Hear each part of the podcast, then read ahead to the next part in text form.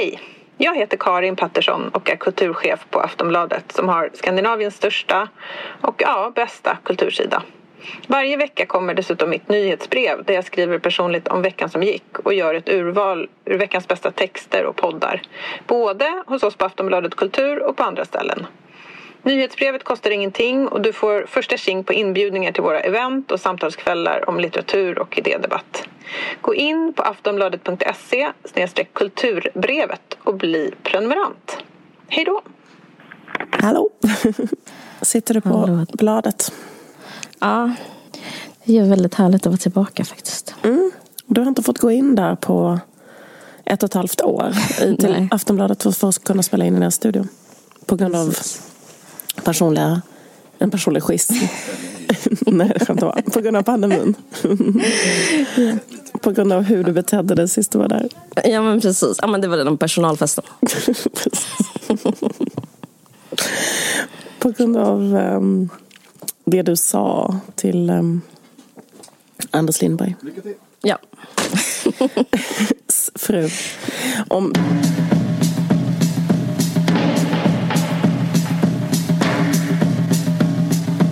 Jag känner att jag blev alltså, ägd, jag blev blåst uh, för att jag började prenumerera på Viaplay nu bara, bara för att jag ville så himla gärna kolla på svenska powerkvinnor. Ja.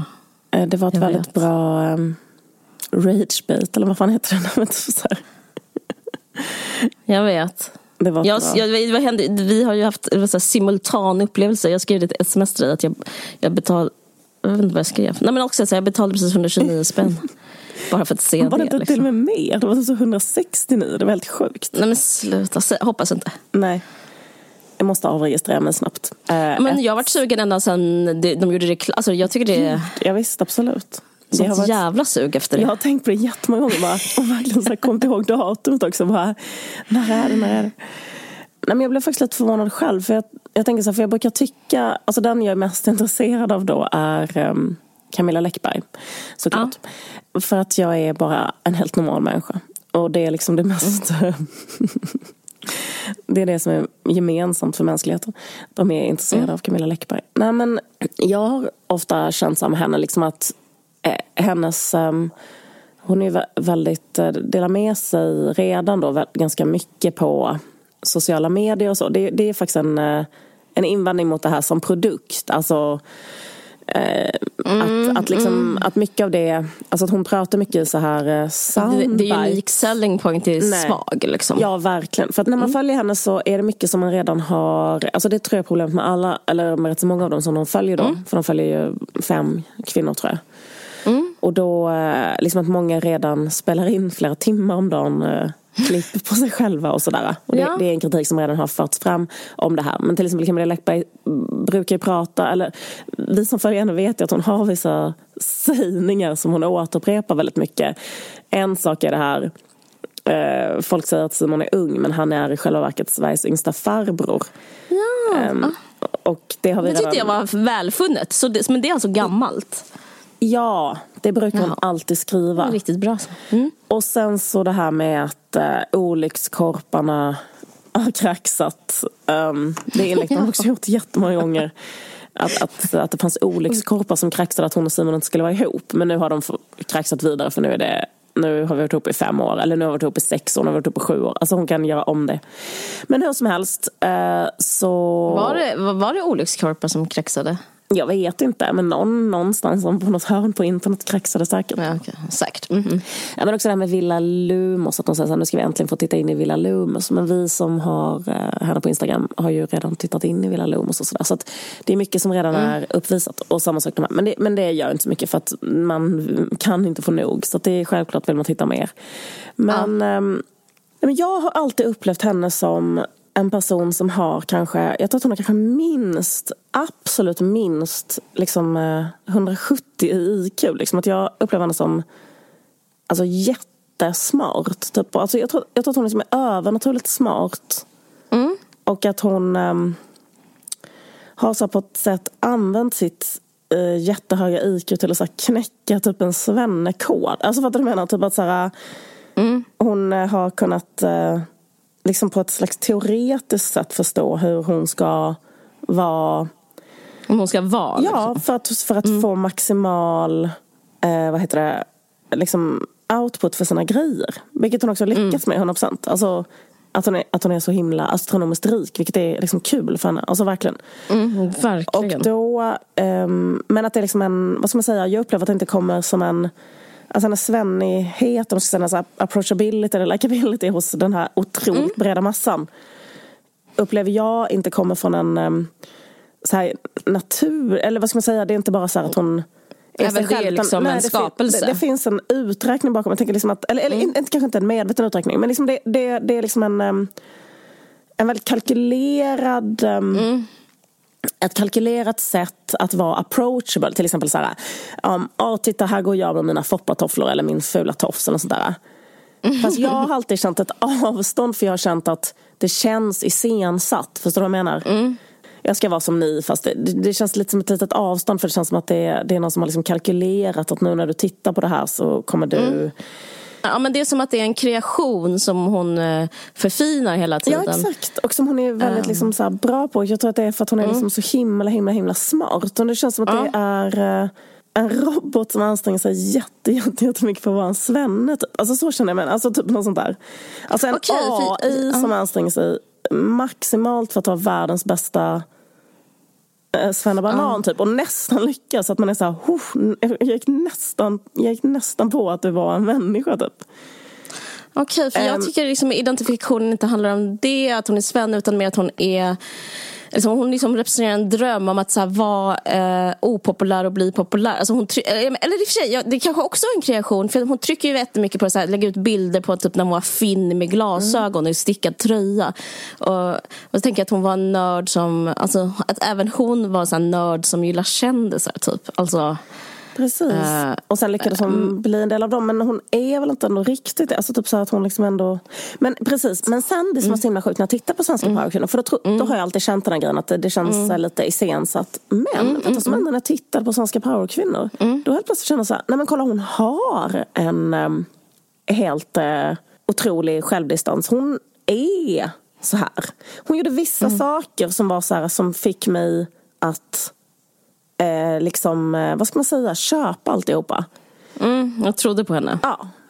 Till exempel så, jag tyckte att hon hade någon slags självdistans. Hon, hon gjorde en grej som var så här, hon bara, här har jag en väska som symboliserar ja, vem jag verkligen är. Och så tog hon upp en väska där det stod Psycho.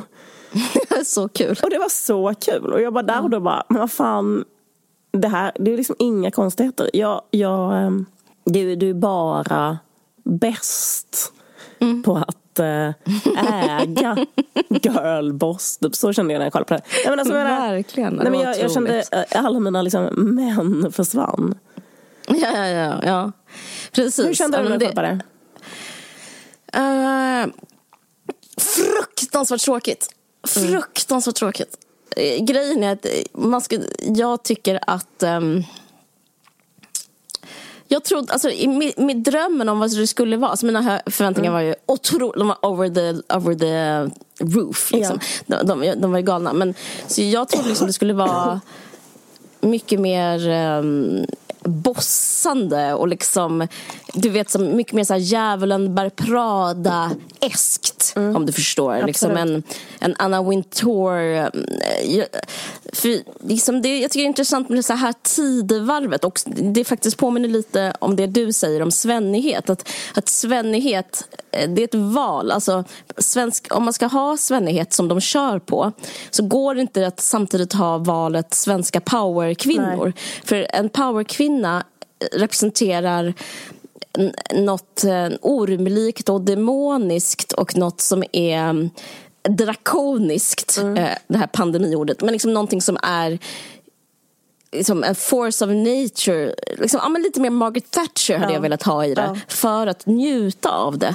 För nu blir det som att jag vet inte om det är vår eh, cancelkultur och så woke tidevarv. Men att hela tiden branda alla liksom främst som snälla fick mig att så det är svårt att liksom sitta kvar mm, faktiskt. Mm. Jag, jag, vill ha liksom mer den eh, Eh, för idén är så sick eh, överlag. Alltså för det är jättekonstigt. Det är inte, för det första är det inte särskilt så här, det är en antifeministisk tanke med svenska powerkvinnor. Men om man ska ha den antifeministiska tanken att så här, prata med eliten mot folket så eh, måste man gestalta eliten och istället så vill de göra det folkligt. Och då, är det liksom, då finns det inte en poäng med serien.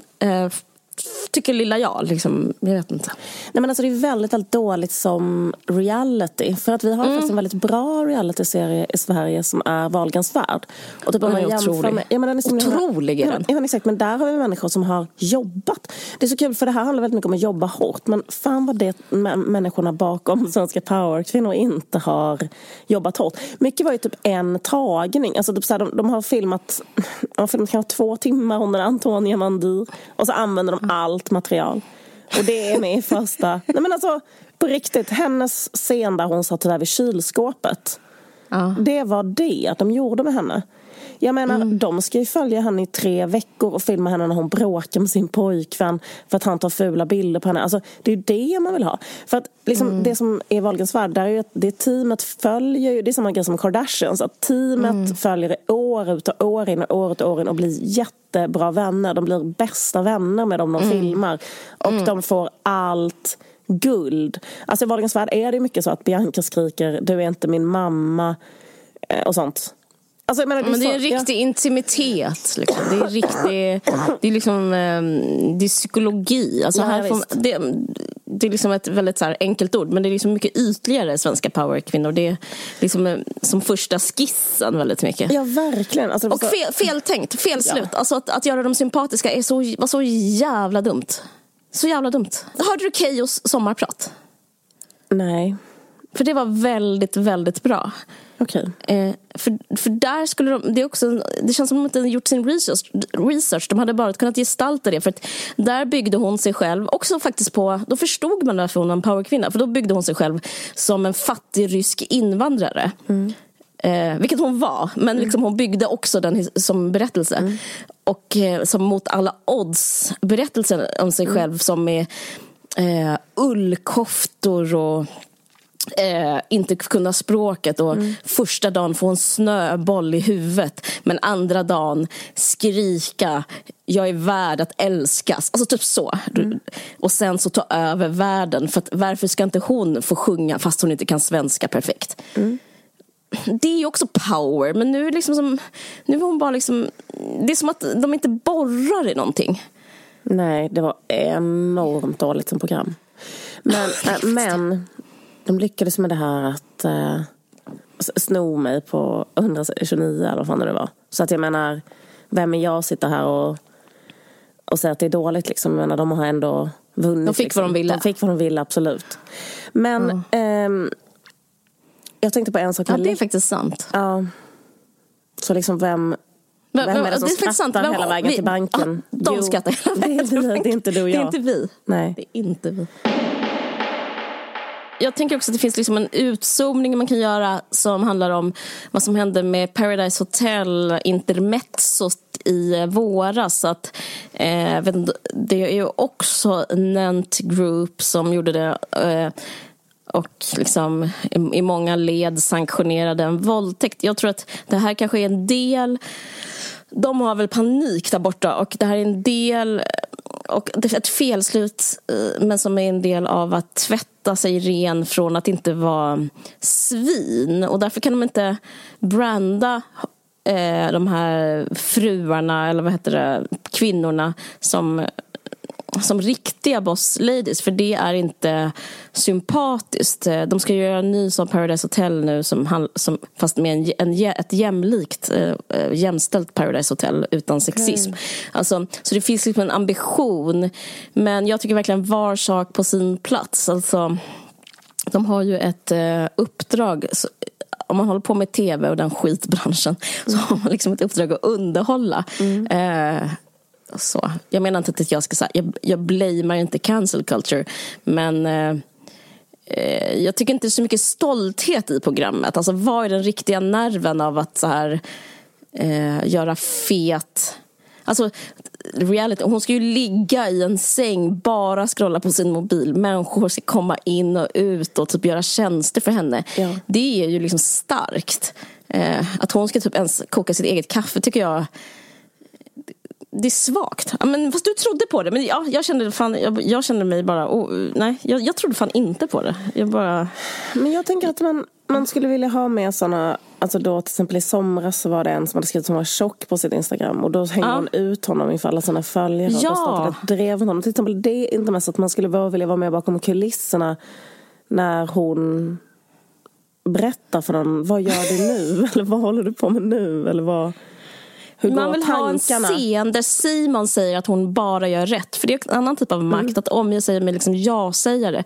Alltså, folk som kommer upp sig och har den typ av pengar mm. är alltid så här med människor som stöttar dem. De har liksom en så inre krets av så mm. krets, som är så. Det var jättebra gjort, det var jättebra att du hängde ut den, det var, jätte, det var rätt att du hängde ut ja. den där. Du har rätt. Alltså jag vill se den ja. Eh, processen som för mig är liksom, därför jag går in och kollar så här, vad, vad är det för skit hon har hittat på. För ja. det är liksom uh, det går ut över liksom, eh, den, den vanliga människans beteende. Liksom. Det är liksom en det är boss lady. Som... Men är, på ett sätt är det lite... Är det så att de är så mycket boss lady så att en sån uh, reality-soppa hade inte gått att göra för hon är för powerful? Alltså fattar du vad jag menar? Typ, Alltså för Kanske. då, att göra en sån reality-soppa, då är det ju att en reality-producents konstnärliga äger. vision skulle äga deras mm. liksom, narrativ. Och nu så äger ju ändå hennes narrativ att hon går mm, runt där och är så här, jag uh... ja, hennes personlighet och personliga liv är ja. viktigare än den här serien. Ja, det, det, det är ett som är klart. Det är bara så, och jag fick en jättebra recension. Man bara, alltså det är ju liksom en konstig förlängning av Insta som du säger, PR. Um, ehm, men uh, jag tycker det finns en, liksom en annan grej, en metagrej med den här som är eh, som jag kan liksom, gör att jag känner mig trött på mig själv. Att mm. Det är att i och med att det här är så förutsägbart så blir mm. jag så förutsägbar. Mm. Och vi, du och jag, är jätteförutsägbara. Att mm. vi, det är klart att vi kommer betala 129 kronor. Mm. Men framförallt att vi kommer prata i vår podd om samtiden, om det negativa. Mm. Alltså, vi bara liksom spelar vår roll mm. som eh, obenhörligt gör vi, kan vi inte göra motstånd utan vi bara liksom gör vad vi ska och sköter oss, vår, vår kugge i det här maskineriet. Mm. Eh, vilket äcklar mig lite. Eller jag läste mm. Saga Kavalin i DN. Mm. Jag minns, jo, men hon sa så här, om de är så rika hade de inte behövt klacka ut sig. Jag håller inte med om den grundtesen. Men jag tänkte på henne, alltså klart, här har vi en till som sköter sig. Hon ska också skriva om det här. Mm. Eh, att, liksom, att en viss typ av kvinna skriver om, som är lite så, ja men vi, alltså vår stereotyp blir så tydlig ja. för, för, i hennes stereotyp. Verkligen. Eh, det är inte så smickrande. Nej, det är hemskt. Faktiskt. Det är hemskt, eller hur? Nej, men eh, en annan sak som jag tänkte på var de här, eh, att det är med två så här, unga tjejer uh, som mm. är Antonia Manjir och uh, Keyyo. Att, mm. de, um, att man kan fundera på det, varför det är så idag liksom att typ unga människor, alltså många sådana här typ Youtube-komiker och sånt, eller vad man ska kalla mm. dem. Mm. Att de är så himla liksom... Um, typ unga kändisar? Uh, ja, exakt. Att de är mm. så himla... Um, vad ska man säga? De är, inte mo, de är liksom ingen motkultur, utan de Nej. är alltid så här med kultur. Exakt, precis. Mm, verkligen. Det kanske finns sådana som är motkultur, men de har inte nått mig. Men det känns som att väldigt många, också så typ att de så himla, himla snabbt blir så här otroligt så här upptagna av ett etablissemang och kommer in mm. i en sån eh, bred, bred, bred, bred, bred svensk mainstream-underhållning där det inte finns en enda så här tagg eller eh, en enda liksom liten fuck you-grej. Liksom. Utan de tycker här, alla att Let's Dance är bra. Exakt, alltså, alla är med i Let's Dance. Mm. Alla är med i det här svensk, vad heter det, um, med David Sundin, vad fan det nu heter. Där Bäst i test. Uppdrag. Bäst i test. All, alltså, jag tänkte mm. på hon, och kanske då för liksom någon som är lite, lite äldre, är väl hon här Klara, vad fan heter hon? Clara Henry? Ja, Nej. exakt. Mm. Alltså så här, så här, för 15 20 år sedan kanske, så var det liksom mm. en del alltid av ungdomskultur, att det var en motkultur. Mm. Typ att det alltid var så här, fuck you till um, den etablerade kulturen, alltid. Mm. Och att det alltid fanns liksom en kritik av den etablerade, eller man tyckte alltid att den etablerade kulturen var töntig. Mm. Och nu är det som att de här tycker inte att den etablerade kulturen är töntig. De tycker inte, eller så, så som kanske Benjamin Ingrosso är. Eller sånt där, att man är liksom bara så liksom vördnadsfullt rövslickande mm. hela tiden till, liksom till eh, så här olika jätte... Nej men det är mer så wow, svenska. tack! Ja oh, men gud, jag fick vara på samma scen som Lisa Nilsson, tack! Ja, men alltså, det är verkligen exakt så. hela tiden. Att mm. det är så här... Vilket jag kan förstå. Alltså, jag, alltså det, det, går, det går att förstå den också. Liksom. Ja, men jag tänkte på det när även så väldigt, väldigt så opolitiska personer. Jag tänker på när till exempel Killinggänget blev kända eller sånt där. Eh, då var det också sådär liksom eh, ja, men typ så jag tror att Henrik Schyffert hade ett sommarprat eh, som var typ bara en långt fuck you till sommar. Typ att han gjorde ett sommarprat som var så här att han gjorde typ en jättetöntig parodi på ett sommarprat. Fattar du vad jag menar? Typ så här mm. töntigt är ett sommarprat och så gjorde han mm. det. Alltså typ så här, det, mm. liksom, den typen av kultur tänker jag på. Men jag bara tänkte på så här hur Keyyo, jag bara spelade in alltså hur hon är då när hon ska träffa Bibi Röde. För hur, hur gammal är Keyyo? Keyyo är väl typ, ja men hur gammal är hon? För jag tyckte att det var obehagligt faktiskt. Du, vet du vad? Det fanns med en powerkvinna i det här programmet. Och det var Bibi. fan i mig Bibi. Som inte ja, sopade under mattan sin såna Cruella. Men hon var ju sådär. Cruella hon sa att jag är en legend. Ja, men hon sa det, men lyssna på detta. Ja. Men hon, för hon är som, exakt, hon, hon är som mm. den i uh, Djävulen bär Prada. Ja, den, hon är som Anna Wintour. Ja, ja precis. Exakt, precis. Vänta lite. Till Sommar i P1. För jag ska vara en sommarvärd. Har vi, har vi sagt att det här är Bibi? Alltså det här är en legend. Jag är legend. Ja, 25 år i branschen kan man säga. Mm.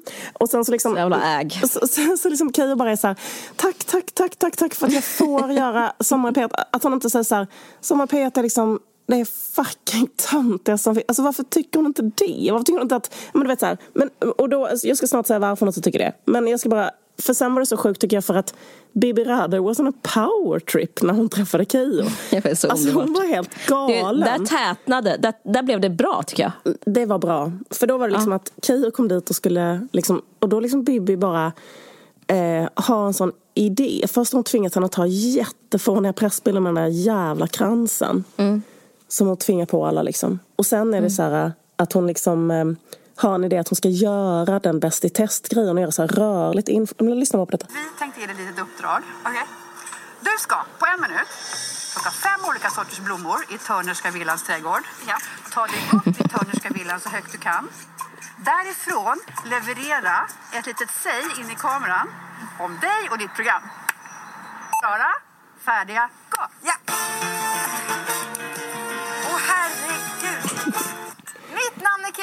och jag ska prata om min flytt till Sverige från Ryssland, om min mamma, men också om dvärgkaniner.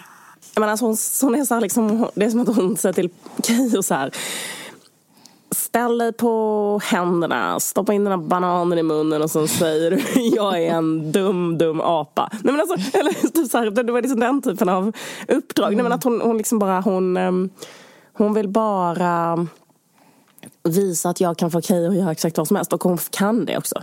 Ja, visst. Um, så där hade vi fan en powerkvinna. Men, mm, det var underbart. Mm, men, uh, jo, nej men jag, jag tänker, eller, eller, eller ja, men vad jag tror, eller vad jag bara tänkte säga om detta var att att jag tror det bara är så en funktion av teknik. Att det är så att alla kändisar nu som kommer fram, att man mm. har eh, sina eh, plattformar. De är sociala medier. Och de mm. har liksom idén med dem är mm. att man ska få en like. Det är som att det finns här ett, um, mm. ett, liksom, ett föreskrivet känslomanus på något sätt som är så ett sätt man kan mm. reagera på det de gör och det är tummen upp. Så liksom, tummen upp är det man eftersträvar hela tiden. Mm. Och ju bättre man är på att vara en sån person som liksom kan extrahera den känslan av en maximal mm. eh, grupp, ju, ju mer följare får man. Och sen är det såna uråldriga människor som sitter där på SVT och tittar så, åh du har 500 000 följare, då, ska, då vill ju de ha de följarna. Så då bjuder de in dig i vanlig tv eller något sånt där. Mm. Att det är någonting med bara den tekniska uppbyggnaden. Att det inte handlar om någonting annat än det. Att det är så här att mm. den um, den, den tekniska uppfinningen med den like-knappen vaskar fram en sån personlighet som inte vill vara till besvär, som inte vill vara på tvären, som inte vill bråka, som inte vill säga fel, som inte vill säga något som får någon att bli off-turned eller liksom Just det. Eh, så därför liksom blir det bara som en sån, till slut så är det liksom en tvål typ. Alltså förstår du menar? Typ en helt slät och hal. Mm. Eh, person som inte kan få någon, det, det ska, liksom du vet, du fattar mm. vad jag mm. menar. Det var ja, bara det någonting jag tänkte på att det kanske har att göra bara med det. Inte, inte om någon annan trend eller något sätt eller så, att det bara blir Nej, så. Precis. Det blir så av materiella skäl. Så blir det så att sån slags motkultur um, försvinner. Och det kanske inte gör någonting för det är också rätt så töntigt med sån pose motkultur. Jag tycker det är coolt. Men uh, that aside, jag tycker ja. det var intressant för det var, en, det var en artikel om det här som de försökte göra lite så trafik till. Jag vet inte om, du, om att Laila Bagge och Camilla Läckberg har, har liksom gjort ett utspel just mot unga. Mm -hmm. Som var så här unga vill aldrig jobba. Alltså, ja, lite för, alltså, det faller in i båda grejerna du berättade. Alltså, unga vill aldrig jobba, de vill bara liksom få likes och eh, sådär. Eh, och bara sitta på sina rövar med sin mobil typ och bli kända och rika. Men grejen är, det är liksom det det du beskriver är sant och liksom det, det jag tänkte på när jag, när jag läste det att det är liksom ett visst och det finns också så olika konton, jag vet inte om du känner till den här Tramsfrans. Ja. också lite Dyngbaggegalan. Alltså det finns, en, det finns, ett kon, det finns liksom en vad heter det, narrativ kring typ en viss typ av kändis, typ eh, såna influencer-kvinnor ofta. Som är typ att de inte jobbar, de gör ingenting, de har 500 000 följare.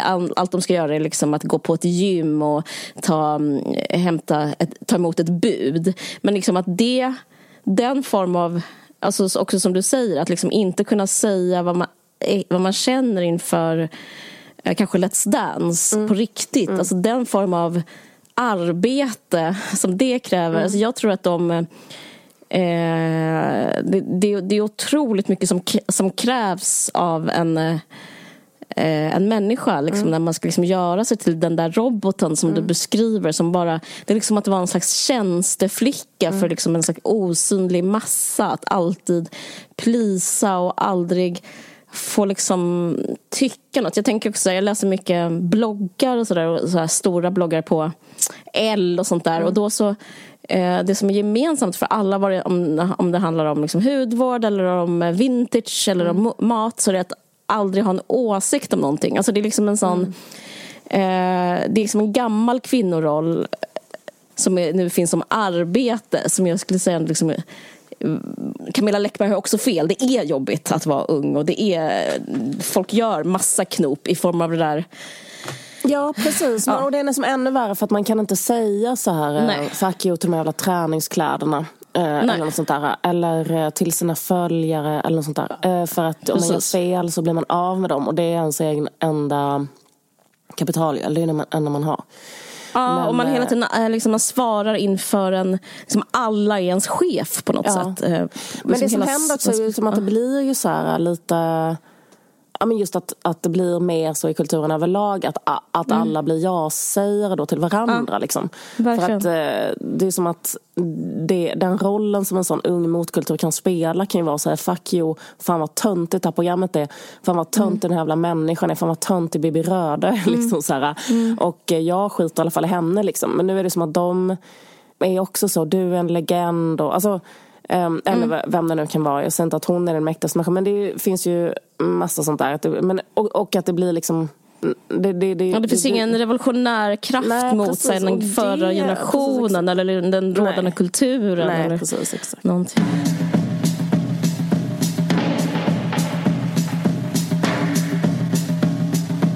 Vi har en ny eh, samarbetspartner och det är Bookbeat. Eh, Bookbeat är en ljudboksapp med ljud och e-böcker där man kan lyssna och läsa på sin mobil eller i en surfplatta. Ja. Vet du hur många ljud och e-böcker som finns på svenska bara? Bara ta gissning. Eh, 100 000? Nej, 300 000. Oj, vad många. Jag vet. Alltså man kan liksom glömma. Man kan dra sig tillbaka nu. Ja. Alltså nu är det dags. Alltså nu kan man bara liksom lägga sig någonstans och zona ut. Om man, om man tycker livet är pyttelite jobbigt. Jag tycker lite jobbigt med höst och allt drar igång. Eh, så för mig är det väldigt så underbart att man kan eh, eh, bara lyssna på böcker eh, hela tiden och liksom vara i en annan värld. Det är kanske är taskigt mot de andra familjemedlemmarna men väldigt underbart för en själv. Ja. Men du, mm. vi har ett samarbete med dem ju som du mm. sa och vi har ett erbjudande som är att man får prova BookBeat gratis i 40 dagar och lyssna på så många böcker man vill och med koden En varg söker sin podd och det är inte liksom någon förkortning utan det är en varg soker sin podd. Mm. Eh, det är ett ord. Så kan man prova BookBeat gratis. Mm. Och det gäller alla nya BookBeat-användare. Eh, och vi har ju redan eh, botaniserat och det här, ja, men jag skulle säga att det här är bästa ljudboksappen. Vad, vad har, du, har du hittat någonting? Ja, vet du vilken bok jag tänker läsa först? Nej. På BookBeat? jo, jag tänker läsa den här Pengarna på fickan. Pengar på fickan. Som du mm. pratade om för typ ett halvår sedan i den här podden. För den, den har inte jag mm. hunnit läsa. Asta Olivia. Men finns den där? Ja, visst, absolut. Den Helt kan man bara eh, läsa här hur lätt som helst. Asta Olivia Nordenhof. Mm. Um, den, det är så här, man hör mycket om en bok, alla säger att den är skitbra. Mm, det, den är det. Uh, men man får inte riktigt uh, tiden att så här, men, men nu helt plötsligt så bara kollade jag så finns den här. Så det är hur lätt som helst. kan man bara läsa den på mobilen eller i sin läsplatta när man äh, åker buss eller när man äh, åker tåg. när man äh, ligger och vilar. Ja. Vad roligt. Mm. Den är jättebra. Har du hittat något? Vad, vad tänker du? Ja, jag har faktiskt börjat läsa mm, På spaning efter den tid som flytt, den serien av eh, Marcel Proust mm. som skulle, man kan beskriva som startskottet för den moderna romanen. Mm. Um, som är fruktansvärt intressant och relevant i um, samtalet om litteratur idag. Alltså, det är väldigt intressant att prata om hur han eh, använder sig av jaget till exempel. Och eh, hur han använder sig av eh, liksom, personerna och verkligheten. Och det finns en eh, karaktär som heter Marcel och så finns ett jag. Och, eh, det är väldigt eh, spännande och modernt och faller in i alla diskussioner om eh, autofiktion och om en, vad en roman är och vad en berättelse är. Och eh, jag har redan eh, börjat läsa. Mm. Man kan känna, kanske som ny läsare på Proust, liksom att det är lite...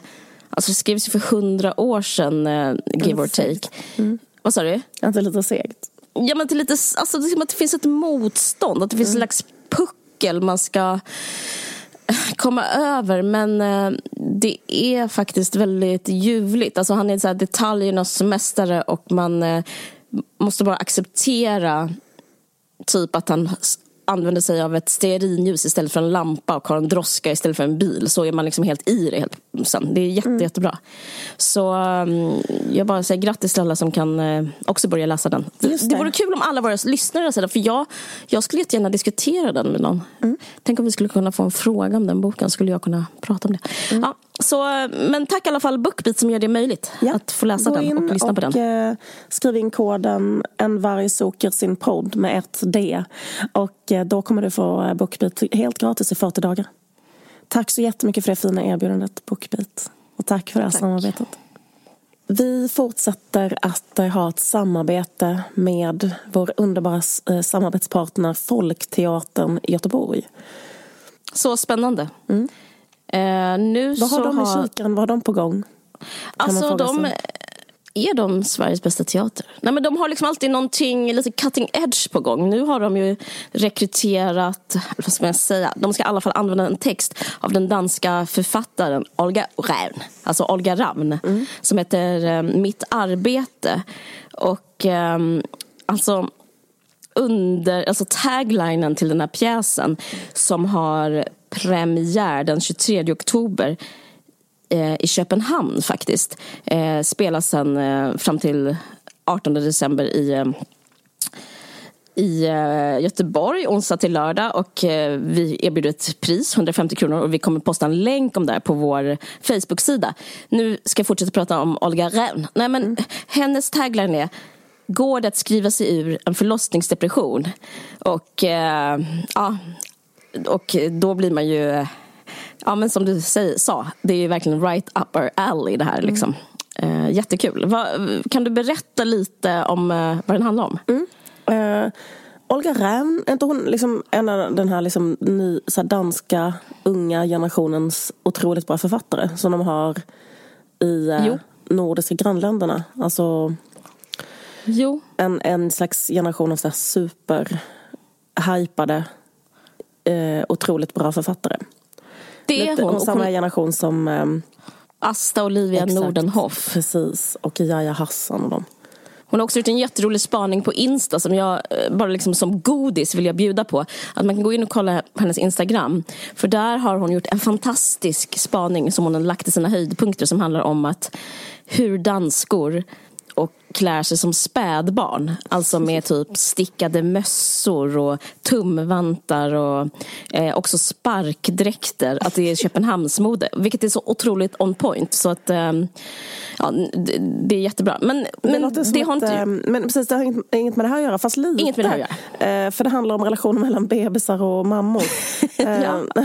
och nej, men pjäsen, texten då som de har gjort dramatiserat på Folkteatern handlar om en tjej som heter Anna som eh, får ett barn och eh, får en eh, förlossningsdepression. känner o, krav som inte går att leva upp till i relation till att vara en mamma, en kvinna, att ha pengar, att kunna shoppa man har inte råd, man måste vara djup och sensuell, man är inte det och så vidare. Och också att hon mm. känner att det öppnas en avgrund, börjar öppnas en avgrund mellan henne och hennes kille Axel.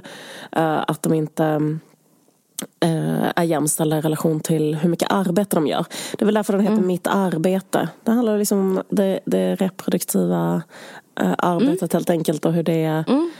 eh, kan kännas att eh, hålla på med det. Så det är liksom en mm. eh, undersökning Det handlar om skrivande också på ett sätt. Ja. Alltså, det handlar om moderskap men också som författare. Alltså det, den utgår ju från hennes eh, erfarenhet. Den är inte självbiografisk men den handlar, liksom, utforskar relationerna mellan moderskap och skrivande och eh, att, ja, att ha barn och att arbeta och att arbeta kanske då i, med att ha barn, alltså ja. i ett hem. Ja. Det, det låter så jävla spännande tycker jag. Verkligen. Och vi har ett eh, rabatterat Samarbete. pris. Ja. ja, vi har ett rabatterat pris. Mm. Eh, och det är att alla som lyssnar på den här podden kan skriva in varg mm. i en länk som vi kommer posta. Mm. På vår Facebook-sida? På vår Facebook-sida. Och håll utkik efter den här länken.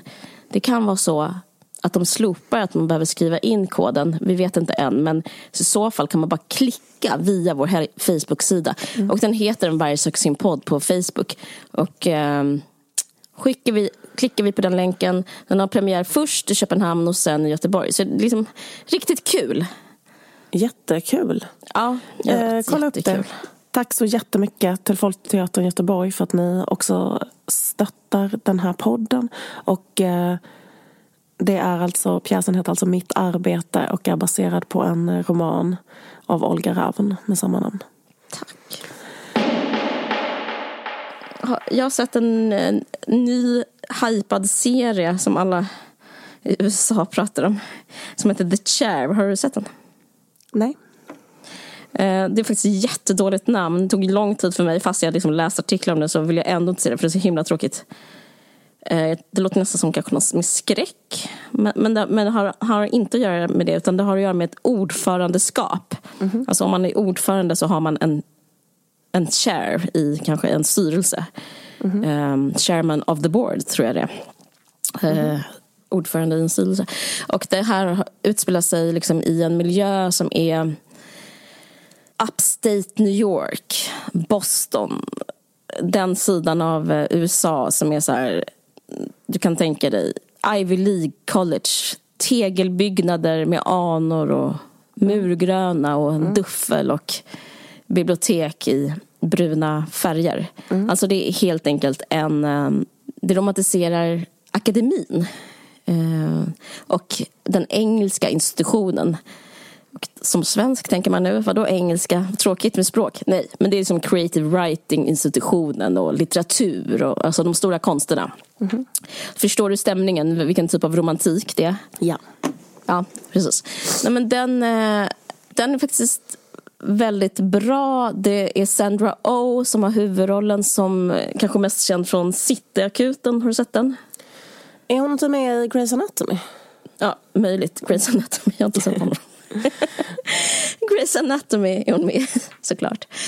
Vad bra att du sa det. Ja, men hon spelar liksom då, hon är eh, litteraturprofessor och eh, och allt det som faktiskt vi har varit inne på snurrat lite i genom åren sedan 2017 med metoo och cancelkultur liksom spelar upp sig här på mm. um, campus. Vilket nog är rätt så, det har ändrats sen vi studerade på universitetet. Eh, eller kanske aldrig varit så i Sverige, men i USA har det, alltså, är det väldigt woke. Alltså woke-kulturen är väldigt förhärskande i eh, just på så här, mm. universitet och ju bättre universitet desto mer woke. Eh, för det är liksom känslan av berättigande. Alltså jag säger inte att det är fel, jag vill bara understryka att jag, tycker, jag stöder woke-kulturen. Men känslan av berättigande, att man själv har rätt till den absolut bästa behandlingen av alla människor eh, kommer liksom eh, ju mer privilegierad man är, desto starkare är den känslan, skulle jag säga. Mm. Så att liksom, eh, om man är kanske en väldigt så här, rik, vit tjej som upplever någonting är fel, så har man en man vill inte behöva höra en eh, person som kommer dit och håller en föreläsning och äh, säger ett motargument mot det man själv tycker. Eller? Nej, och då, liksom, och då kan man liksom kanske starta demonstrationer mm. och kanske skriva in till New York Times. Alltså liksom, det, det är på liksom en viss nivå som man måste vara rätt så kul. Någon. Ja. Man avsätter någon. man bara... man gör det bara. Får någon avskedad. Och, eh, man får någon avskedad och känner att man lever Eh, nej men jag bara skojar. Alltså, jag, jag, jag, menar att jag stöder det men jag, jag, tycker det är intressant att den är så för, besläktad med att vara privilegierad. Alltså, om det inte sker liksom på gräsrotsnivå som BLM. Så den handlar om det. Den handlar om att en lärare uttryckt sig nazistiskt och eh, blev till slut avsatt. Och eh, jag tycker det är rätt så spännande för det, det är liksom de försöker skildra nog ett skifte. Liksom. Vad är att vara ung idag, vad är att vara liksom vuxen idag och vad är att vara boomer idag. Mm. Och eh, det, den är fan riktigt bra den här serien för den, den fungerar liksom dels behandlar den ämnet woke mm. men den är också woke. Men, men dock så är det så intressant för en tv-serie är alltid en tv-serie. Och en film är alltid en film och en berättelse är alltid en berättelse. Och för att det ska flyga så måste det finnas element. Och eh, om det är en dramakomedi så måste man liksom ha riktig komedi. Och om man är en woke dramakomedi så blir det svårare. Man måste ändra lite även på liksom de inkörda narrativen som får folk att känna igen sig och skratta fortsätta och liksom bara stanna kvar. Mm. Till exempel om man jämför med Seinfeld och New Girl, jag kommer inte på några nu men liksom, vi har pratat några avsnitt sedan tror jag kanske eh, om den här typiska stereotypen att ha en bästa kompis som är svart. Mm. Eh, men det finns ju ännu tydligare i komedier så finns det the token black guy. Alltså en kille som i Comic Relief. Som, som inte, man får inte veta så mycket om hans liv, hans driv, hans drömmar eller hans, liksom negativ, hans mörker. Utan mm. han är där för att skämta. Mm. Ehm, och för att det finns liksom ett vit förhärskande sätt att eh, berätta historier på i Hollywood. Det är rätt förkastligt för det liksom gör att, att liksom återskapa ja, en ordning. Ja, men att kunna om, ha liksom, ordningen kvar utan att den ska bli liksom kritiserad. Ja. Nej, men, ja, men precis. Och, och, och, det finns även token gay character som är typ en, en eh, homosexuell bästa vän som kanske får komma in, göra ett gästspel, berätta om eh, vilt sexliv. Alla tycker han är tokig. Men aldrig där får man heller följa med om så mör, den personens mörker, den personens eh, drivkraft eller liksom mm. Eh, liv eller liksom mm. föräldrar. Alltså, mm. Men i och med att den här produktionen är woke eh, men samtidigt så är det en, det är en miniserie för Netflix som lovat att dra in pengar så måste de förhålla sig till eh, comic relief. De, måste ha det liksom, de kan inte lyfta den ingrediensen om man gör en dramakomedi utan det måste alltid finnas annars blir, blir liksom, eh, resultatet sämre. Mm. Och då är det så roligt för då har de löst det genom att eh, offra gamlingarna. Så alla så här, som är över eh, 60 år eh, fungerar som comic relief. Jag har liksom inte sett det innan. Men då är det liksom att alla gamlingar får stå för, eh, för driva liksom komedin fram. Alltså den, det är ju liksom en dramakomedi mm. som handlar om cancelkultur och sådär. Men ibland så behöver man få ett skratt och då, det, då tar de alltid in typ någon med vitt hår som spiller. Alltså det är väldigt så speciellt sätt att vara woke på. Att så här, i rangordna eh, etnicitet, sexualitet, eh, kön och genus och sen så age. Och då är det så. Det här, liksom, vi kör ageism och det är liksom väldigt um, eh, det är en sån rolig bieffekt av att eh, behålla sin wokeness eh, och samtidigt behålla sin, eh, sitt mainstream-berättande. Mm -hmm. Det var bara en observation. Eh, och de gör det rätt så bra. Det är hon, vad heter hon, Sarah hon, det finns en gammal flata som är så lite legend. Hon, det är hon spelar liksom en gammal professor som är så ja, det är liksom bra skådisar men alla liksom eh, har fått ta rollen som den, som den då token black character eh, brukar ta. Det, det är lite spännande. Jag ska bara säga att Sandra Oh spelar liksom väldigt väldigt, väldigt bra. Det är väldigt, alltså det, det, man skulle kunna se bara hela serien bara för att så här, njuta av hennes sätt att så här, lösa situationer på. Den är, den är väldigt eh, Eh, den är väldigt finstämd runt liksom hennes skådespeleri.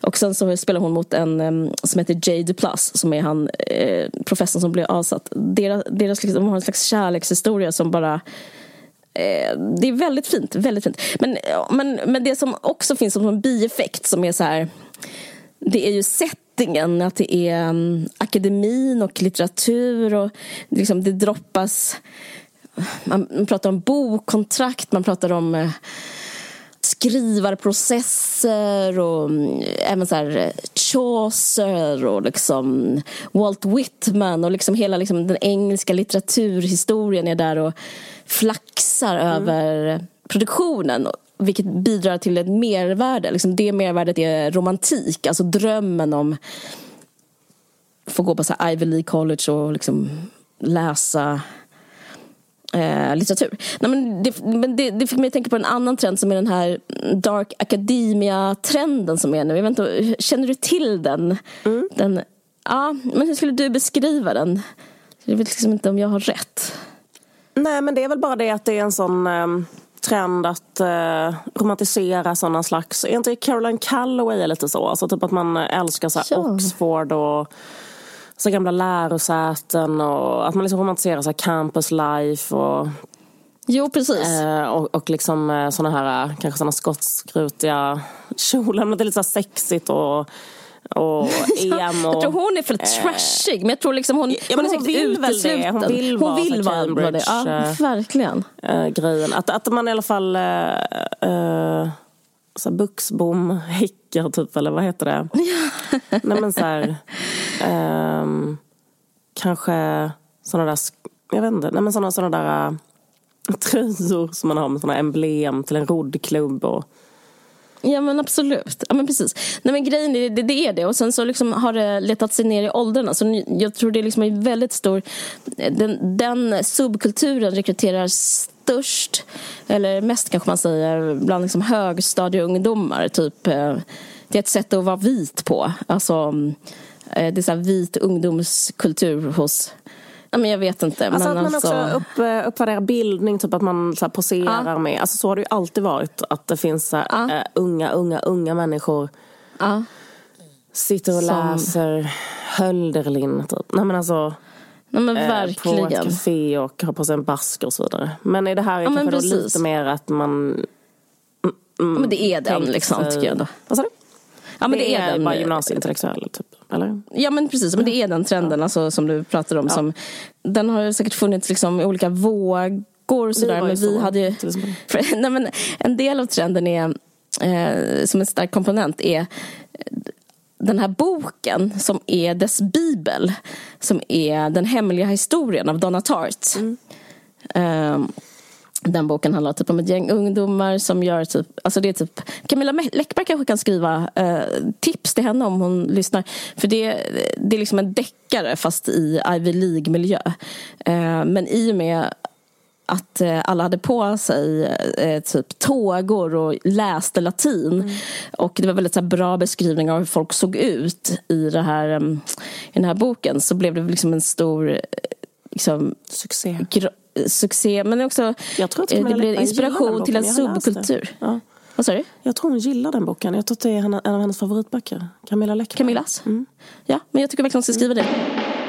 Men jag tror att den här idén som finns om om författaren och läsaren och litteraturen. Alltså alla de här liksom, eh, attributen som följer med det. Till exempel basker eller cigaretter eller vara med i sällskap och ha med sig tåga. Alla sådana liksom, att byggandet av själva, liksom, alla de här maskerna som man kan posera eh, med. Mm. Det är inte den riktiga litteraturen. Alltså om man vill vara den riktiga litteraturen så så handlar det bara om att ha en inre upplevelse. Eller om man skriver mm. handlar det bara om att försöka vara sann mot världen och sig själv. Och, liksom, och om man, om man då liksom redan har kategoriserat världen i kanske skottsrutiga kjolar eller liksom mm. baskrar eller liksom vithet eller vad det liksom nu som utgör de här Dark Academia-grejerna eller liksom viss typ av författarskap så är det som att man stänger om sig istället. Mm. Alltså det blir liksom som en Jo, men jag tror att jag är emot det för att jag upplever en så fetischisering av läsandet och skrivandet. Mm, eh, vilket skadar eh, mer än det bygger upp. För det gör att man inte tar litteraturen på allvar. nu låter det som att jag är väldigt högtravande men det är som att man ser det som en Accessoar. någonting ja, men accessoar eller någonting som inte är på riktigt. typ. Men det är och det, och det är på riktigt, det är därför det är bra. Och det är därför, alltså, därför liksom de... Eh, det, det, tycker väl de här människorna också, men liksom att man... Eh, men, men, men grejen är, anledningen varför litteratur är bra är ju inte för att folk som Sartre rökte när han skrev eller liksom... Nej. I don't know. Eller att Sylvia Plath eh, flyttade till. England mm. eller tog livet mm. av sig. Fast det, just det tror inte de gillar. Men de gillar kanske att hon hade en kashmirtröja på sig. Ah, jag vet inte. Jag, jag vill bara säga, om du är ett riktigt head klä dig i liksom, eh, jag vet inte, sportkläder eller normcore eller som Camilla Läckberg. Eller, det, är liksom, det, det är som att jag vill inte att man ska skämta bort, skämta bort det. Och jag vill att man ska, jag, jag, vet inte fan, jag vet inte om jag tycker det här. Men det är någonting som jag alltid stört mig på det i det här avståndet och romantiserandet av det. Eh, men jag tyckte det var väldigt bra i The Chair, just det, det var därför jag pratade om det. Att eh, det var så oromantiskt. Det var så jävla bra oromantiskt beskrivet om du vet hur det är att vara liksom, till exempel litteraturprofessor. Att det, är typ, det är inte alls kanske att så här, sitta citera en dikt på kvällen, röka en cigg och typ ha ett jätteintressant samtal. Utan det är typ jättemycket så att uh, äta matlåda. Alltså det är den riktiga Dark Academy. Att man så här, och de, de hade så jävla bra scener med det. Typ att Sandra Oh ja, men typ så här värmde liksom någon sån god rätt. Du vet sånt där. Att livet bara handlar om liksom allting annat ja. för, Man the, kanske för the Dark Academy. Ett möte om administrativa uppgifter. Alltså Verkligen. En uh, mailinglista om någon, någon ny kod till ett uh, intern dokument som man måste det är väl så kanske, kan jag tänka mig. Så är Dark Academy. alltså det är det som är the dark, att man måste typ ha så här jättemånga möten. Och sen så. Men ett annat är liksom, så, för det, han, han, han som blir avsatt är liksom en uppburen författare. Och hans liv, det är också så himla skönt att inte romantisera författarrollen. För det finns ju jättemycket, till exempel i Squid and the Whale och mm. eh, inte en komikers uppväxt. Vad fan heter den där när Robin Williams står ja, Döda poeters sällskap. Mm. Liksom att de, de motstod att ge honom en konjaksfärgad manchesterkavaj. Och de motstod att liksom se honom ensam sitta och skriva, knyckla ihop papper och få ångest. Det inte finns inte en enda sån scen med i den här serien. Men han är en jättebra författare. Men hans liksom liv handlar om relationer och hans dotter dotter börjar bli, liksom, hon börjar bli vuxen. Det är en kris för honom. Alltså det är en författare. Alltså jag, jag, vet, jag, försöker, jag vet inte vad jag försöker säga. Jag bara tycker att eh, den här serien eh, gör det förtjänstfull att liksom prata om eh, skrivande och litteratur och liksom vem, vilka som bebor den världen på riktigt. Eh, det är väldigt mycket, ja, det är mycket så ensamhet, matlåda och typ har problem med barnen och kanske skjutsa till en fotbollsmatch. Mm. Um, och jag kanske blir sur för att jag författar själv, att jag känner mig fetischiserad eller, och att jag vägrar gå med på den stereotypen. Och då blir det så nästan som Ja, men jag är överdriven. Jag har inte ens bokhyllor hemma för jag tycker det är poserande. Så det är liksom, oh, jag vet inte.